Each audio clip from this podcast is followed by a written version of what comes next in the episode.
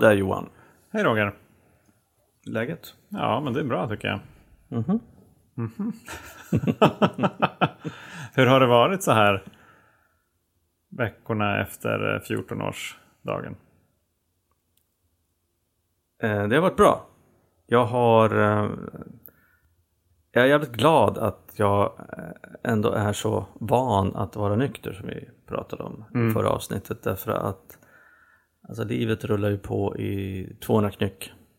Inget unikt för mig direkt, men eh, eh, ja. Jenny har börjat nytt jobb. Jag har anställt en person. Jag har miljoner grejer att göra. ehm, och eh, det känns inte riktigt som eh, eh, varken jag eller Jenny har, har tid höll på att säga, med att göra någonting annat än att bara jag hålla på med logistik. Eh, och eh, jobba och sova och försöka tänka på att fixa mat och gå ut med hundarna och, och ta hand om Jennys barn när de, när hon är här, när de är här och eh, lite sånt. Så att eh, det rullar på. Dagarna springer iväg. Och eh, ska faktiskt åka på affärsresa Wow, nästa wow, vecka wow. till Lyon Oj. i Frankrike. Bara en sån här härlig eh, drömresa. Planet går tisdag morgon 06.30 från Arlanda. Perfekt. Landar på Arlanda 22.55 onsdag kväll. Det är bara nöjesresa. Ja, precis.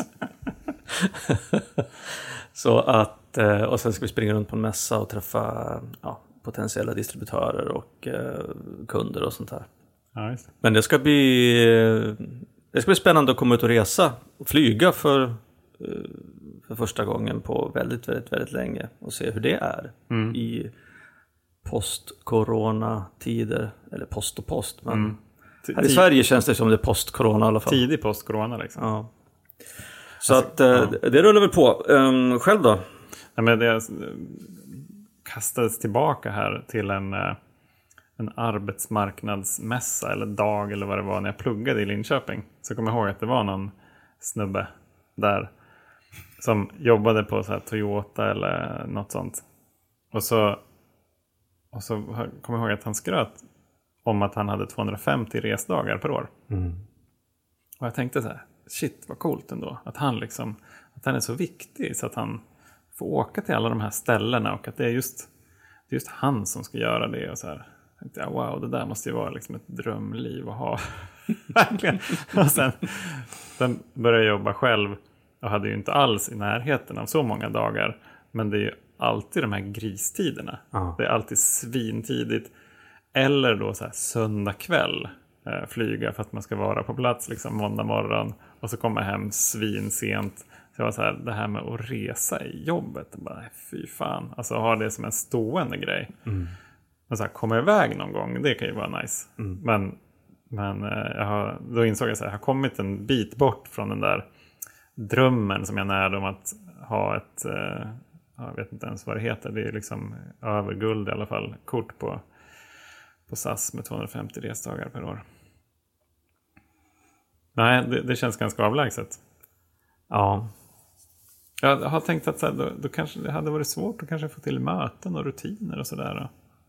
Om man då inte åker till samma ställe med någon frekvens. du menar om man har ett jobb där man reser väldigt mycket? Ja, Ja, det skulle nog kunna ha varit svårt. Nu tänker jag så här att eh, också post-corona så finns det ju online-möten med ja så hela jävla tiden i princip. Då kan man ju till och med nästan gå på sin hemmagrupp eller åtminstone svenska online-möten om man vill. När man är utomlands. Har du varit på något online-möte sedan våran hemmagrupp Eh, nej, eh, kom tillbaka till fysiska? Det har jag eh, inte. Nej. Jag tänkte en kväll att jag skulle göra det men sen så var jag inte så villig att gå på möte just den Alltså jag, jag kan säga, alltså jag, är, eh, jag blir jättetrött av digitala möten. Jag, när, om när jag sitter hemma och jobbar en dag. Och så har jag haft liksom, möten ja, så här, 9 till 12 kanske med en liten paus. Då, måste jag, då käkar jag lunch snabbt så jag får liksom sova en halvtimme. Jag blir jättetrött verkligen. Så, det, är inte, så det, det, det jag längtar efter efter en jobbdag det är inte att sätta mig framför datorn igen. Nej, precis. Alltså, så att, eh, jag är ju superglad att vi verkar vara på den positiva sidan av den här pandemin i alla fall. Ja, vi får väl se vad som händer. Men nog om det. Du har ju annonserat lite så här i förhand att du har ett eh, angeläget ämne att eh, diskutera. Ja, jag tänkte vi skulle ha liksom en riktig så här kick-off-helgen med en riktig liksom glädje. ett riktigt glädjeämne. Ja. vi, ska, vi ska nämligen frottera oss i lidande. Lidande. Ja. Mm. Alltså på ett perverst sätt så ser jag fram emot det här samtalet. ja. Eh, Jag har ingen mer förhandsinfo än just rubriken så att jag är lika spänd som ni där ute på Ja, vad det här kommer att eh, ta vägen. ja. Jag har, inte, jag har inte föranmält någon innehållsdeklaration. Nej. Eh, nej, men eh, om man säger på, på förekommande anledning så har jag då fått möjlighet att reflektera mycket över lidande de senaste veckorna. Det har varit en del av så här, min, en av mina absoluta favoritpersoner har eh, varit inne på sjukhus flera gånger. Eh, ja, så här, återfall och ja, har varit väldigt orolig liksom, i, i långa stunder över kommer han att, att klara sig överhuvudtaget. Och sen så har det varit eh, kollegor och vänner som går igenom tuffa perioder hemma i sina äktenskap och sådär. Och, och eh, ja, en, av mina, en av mina kunder, eh, sambo, dog eh, här alltså förra veckan. Alltså så, så det har varit det har varit par veckor med väldigt tunga ämnen. Varav några då har varit nära mig, väldigt nära mig och andra har varit lite mer perifera. Men det har ändå, det har ändå liksom strösslat på den här, eh, den här allmänna känslan av att så här, fan, livet innehåller mycket lidande. Tänkte jag då liksom i början ganska nästan slentrianmässigt. Det är, så här, det är säkert någon, någon vis buddhistmunk som har sagt det här någon gång och då är det sant ungefär. Men så tänkte jag att ja, men vad är det egentligen som skapar lidande? Alltså här, att, att, att, att situationer uppstår som att någon går bort till exempel. Det, en sak som det framkallar hos många är ju sorg. Det kan innehålla saknad, framkalla saknad och ledsamhet till exempel. Men det behöver inte vara lidande.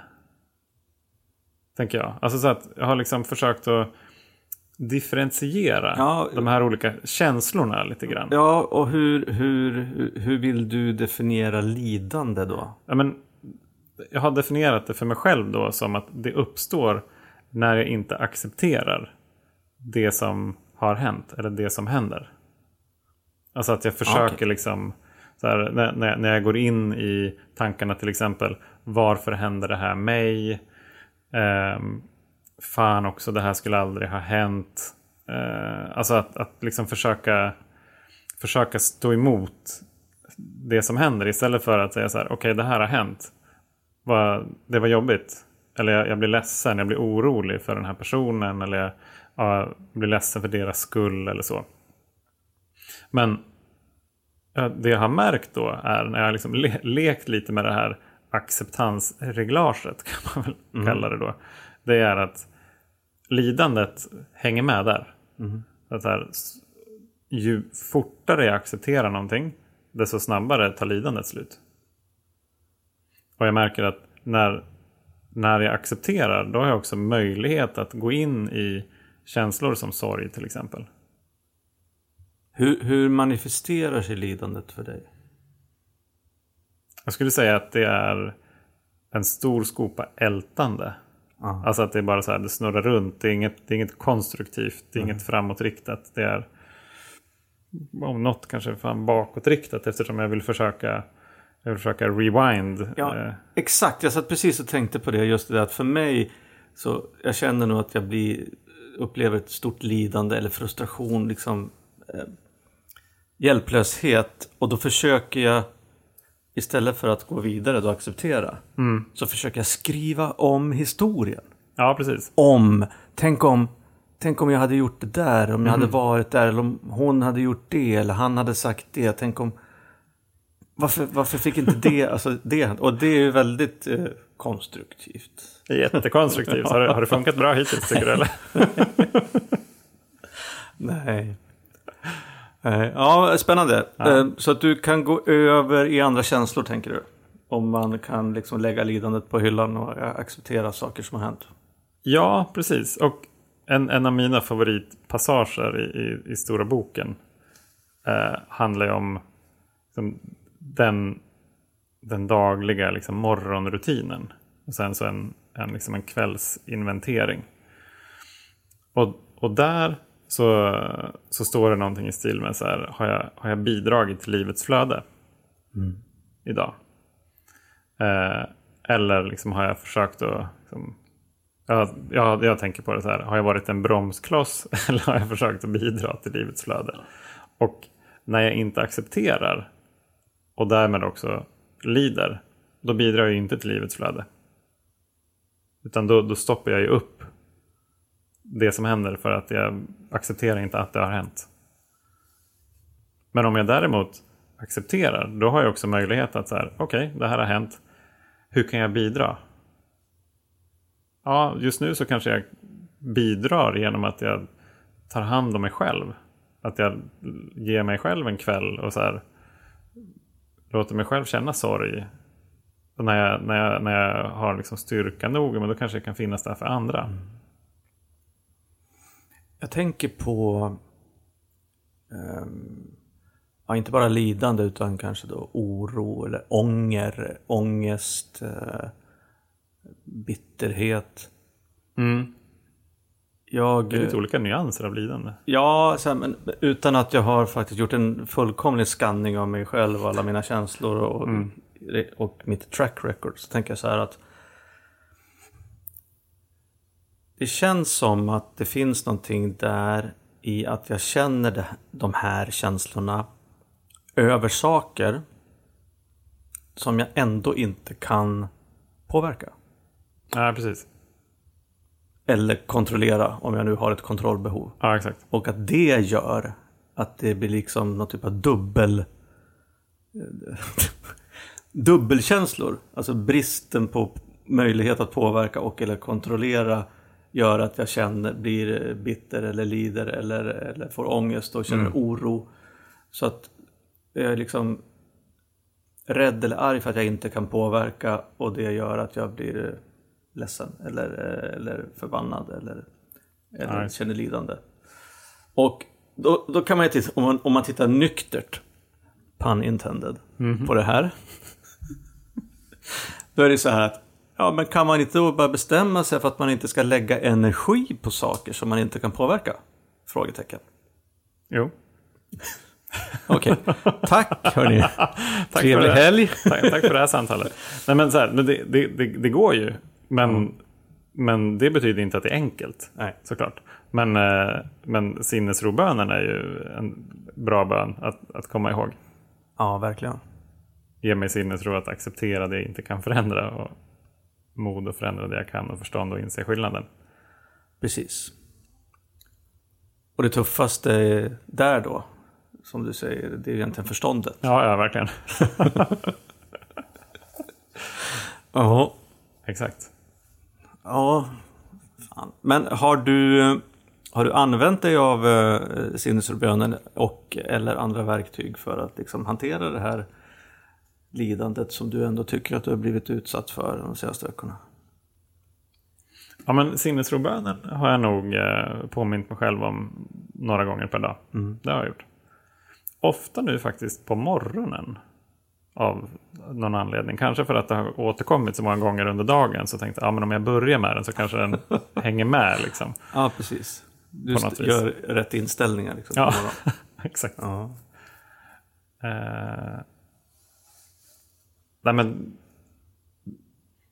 det kom, alltså jag, jag tror att det påminner ganska mycket liksom om fjärde steget. För mig, alltså samma typ av process, att göra en sån inventering och se på de här sakerna då, allt det här som liksom orsakar mig lidande. Och när jag kollar på det, det är så här, ja fast det är jag som orsakar mig lidande. Genom att jag inte accepterar att det har hänt. Och det kan jag göra någonting åt. Apropå liksom det jag kan påverka. Jag kan inte påverka det faktum att det har hänt. Det är helt opåverkbart. Men jag kan ju påverka min inställning till det faktumet. Det kan jag göra. Så det är det jag behöver ta ansvar för. Och, så I det här så ligger det någon lärdom för mig i vad är det jag kan ta ansvar för i Mm. den här situationen. Ja, precis. Fan, det är jättespännande det här. Det här ger mig lite bränsle, eller på att säga, inte bränsle, men näring och inspiration till att snacka lite grann med, med Jenny faktiskt efter det här samtalet. För vi hade ett litet snack idag innan du kom hit. Om att jag har mycket att göra, jag blev lite irriterad på, på henne och en grej. Och hon är jättetrött för att hon har börjat nytt jobb. Så då sa hon så här att ja, måste du ha så mycket att göra nu när jag har precis börjat ett nytt jobb och ska och är så trött för att jag har börjat ett nytt jobb för att det är så mycket nytt att ta in och så vidare och så vidare. Och, eh, och jag kände, ja, alltså jag, jag, jag vet inte, det är inte därför jag har mycket att göra. För att du Nej. har börjat ett nytt jobb. Och jag tänker så här, nu, jag vet inte vad jag sa, men nu är det så här, vi får försöka hantera det på något vis. Eh, Förhoppningsvis så blir det bättre. Men det är också så att typ sådana situationer, och jag tänker på fjärde steg och göra inventering. Så här, jag kanske inte ska inventera i och frågasätta varför hon har mycket att göra och jag har mycket att göra, för det är ju oväsentligt, det är ju som det är. Men Ja. liksom hur min del i liksom den ekvationen, att ta ansvar för inte bara mig själv men mina känslor och sen tänka att ja, men trots att jag har mycket att göra så borde jag kunna vara eh, liksom borde kunna tänka mer på henne och andra människor i min närhet. Jag borde kunna vara vänligare, jag borde kunna göra mer hemma, jag borde kunna liksom, alltså, nu pratar vi verkligen vardagliga saker, så här, gå ut med hundarna eller fixa mat eller vad det nu är för att, för att underlätta, för att Ja, det kanske, jag kanske också tycker att det är jobbigt och stressigt. Men det behöver inte betyda, då behöver inte jag vara självisk och egoistisk och skita i att göra grejer bara för att jag också tycker att, att, att det är så jävla härligt att tycka synd om mig själv. Ja, nej. Att, att just det där om man nu tycker att, att, att jag lider för att det är så stressigt och mycket att göra just nu. Så är ju inte det för att det är stressigt och så mycket att göra just nu. Inte för mig, inte just nu. Utan det är ju liksom hur jag hanterar det. Så att... Fan. Skulle jag haft det här snacket innan hon kom hem från jobbet idag. Sorry, nästa gång så ska jag vara lite tidigare med att läsa dina tankar. ja, precis, precis. Ja. Ja, Spännande.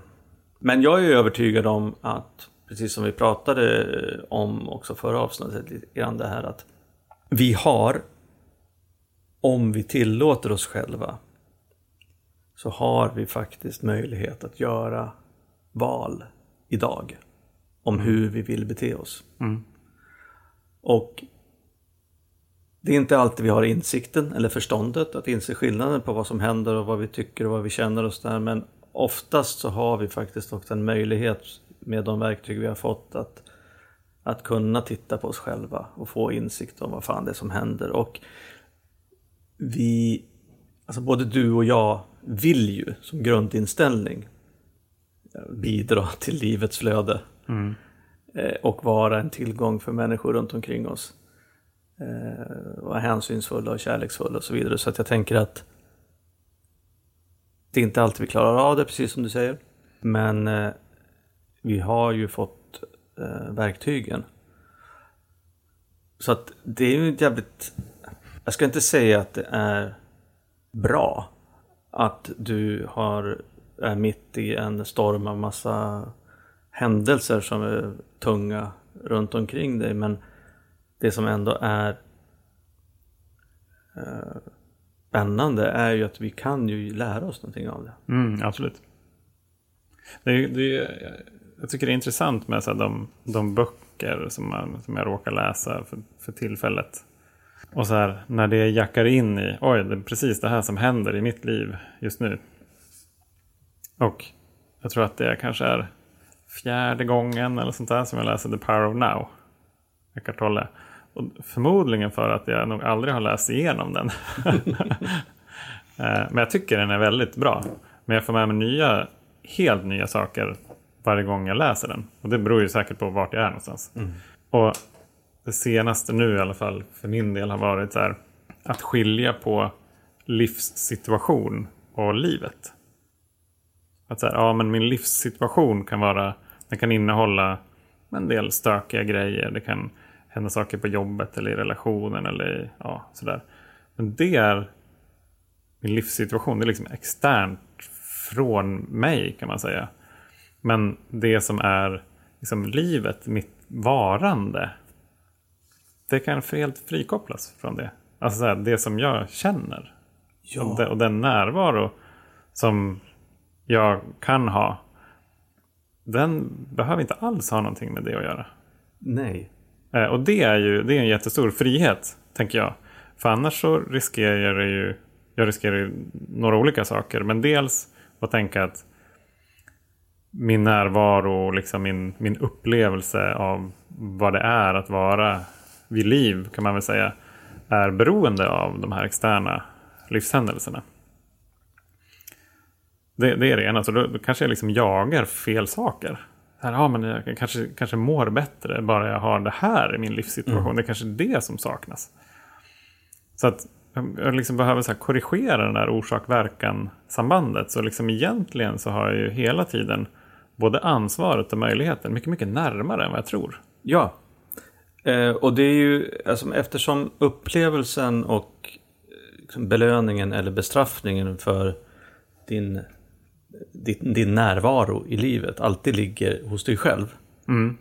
Eh, genom föreställningar eller en äkta uppfattning om hur du är, vem du är och hur, hur du mår. Så, så är ju så att livet upplevs ju alltid inuti mig själv. Mm. Oberoende liksom vad som händer utanför. Så att om jag kan ställa om eller lära mig att, liksom, att livet pågår inuti mig själv, liksom, i mina känslor och mina tankar så, så kan jag säkert också skruva på saker och ting som gör att jag utan att det är några externa förändringar kan jag uppleva livet på helt annat sätt. Mm, absolut. Och det du pratar om nu, det får mig att äh, tänka tillbaka på den här filmen som vi tittade på. Eller som jag tittade på, som du sen tittade på, Sound of Metal. Ja, just det. Fantastisk ju. När äh, Joe hette han väl va? Han pratar med den här killen som är huvudperson om att livet springer så fort runt omkring och att man måste vara med om saker, man får inte missa livet. Mm. Men då var han på att prata om uh, moments of stillness. Mm, och att det var just i de här moments of stillness som man var, det var då man verkligen kom närmast det som Gud hade liksom som plan med mig. Mm.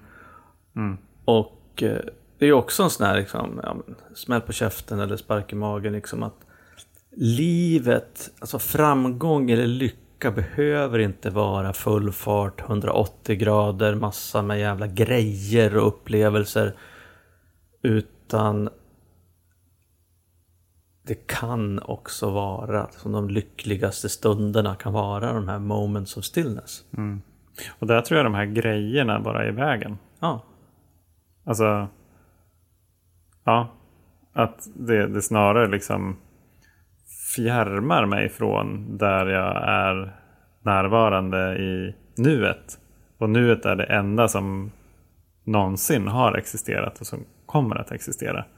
Vårt, våra tankar om framtiden och dåtiden för den delen, det är, liksom, det är bara illusioner. Men det är, så, det är så lätt att ändå hamna i den där psykologiska tiden Mm. Som om den skulle finnas. När, ja, precis. När tycker du att du är närmast dig själv? Sanna Johan liksom. Ja, bra fråga. Alltså jag hade faktiskt en sån en jätteintressant fråga. Jag hade en föreläsning idag. För ett gäng på Folksam. De var kanske 40 chefer eller något sånt så pratade vi om kärleksfullt ledarskap.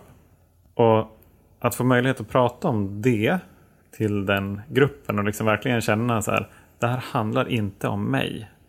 Jag är liksom ett, en kanal eh, för ett budskap till de här människorna. Det, var liksom, det enda som var synd var att det inte var fysiskt utan det var, det var digitalt.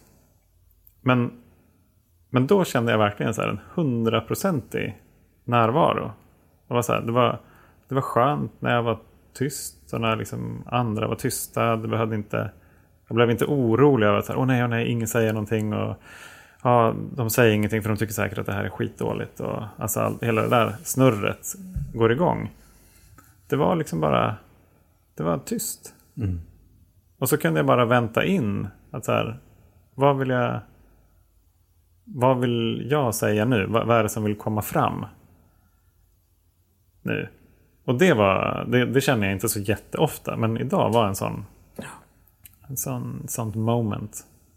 Jag... Eh, jag satt precis, jag ställde frågan därför att jag inser att eh, några av de tillfällena då jag verkligen liksom får vara med mig själv och utforska mig själv och försöka vara sann och eh, närvarande och liksom transparent på något vis. Det är ju faktiskt i de här samtalen.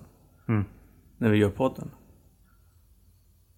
Vilket i sig, när jag tänker på det, är helt är ganska konstigt egentligen.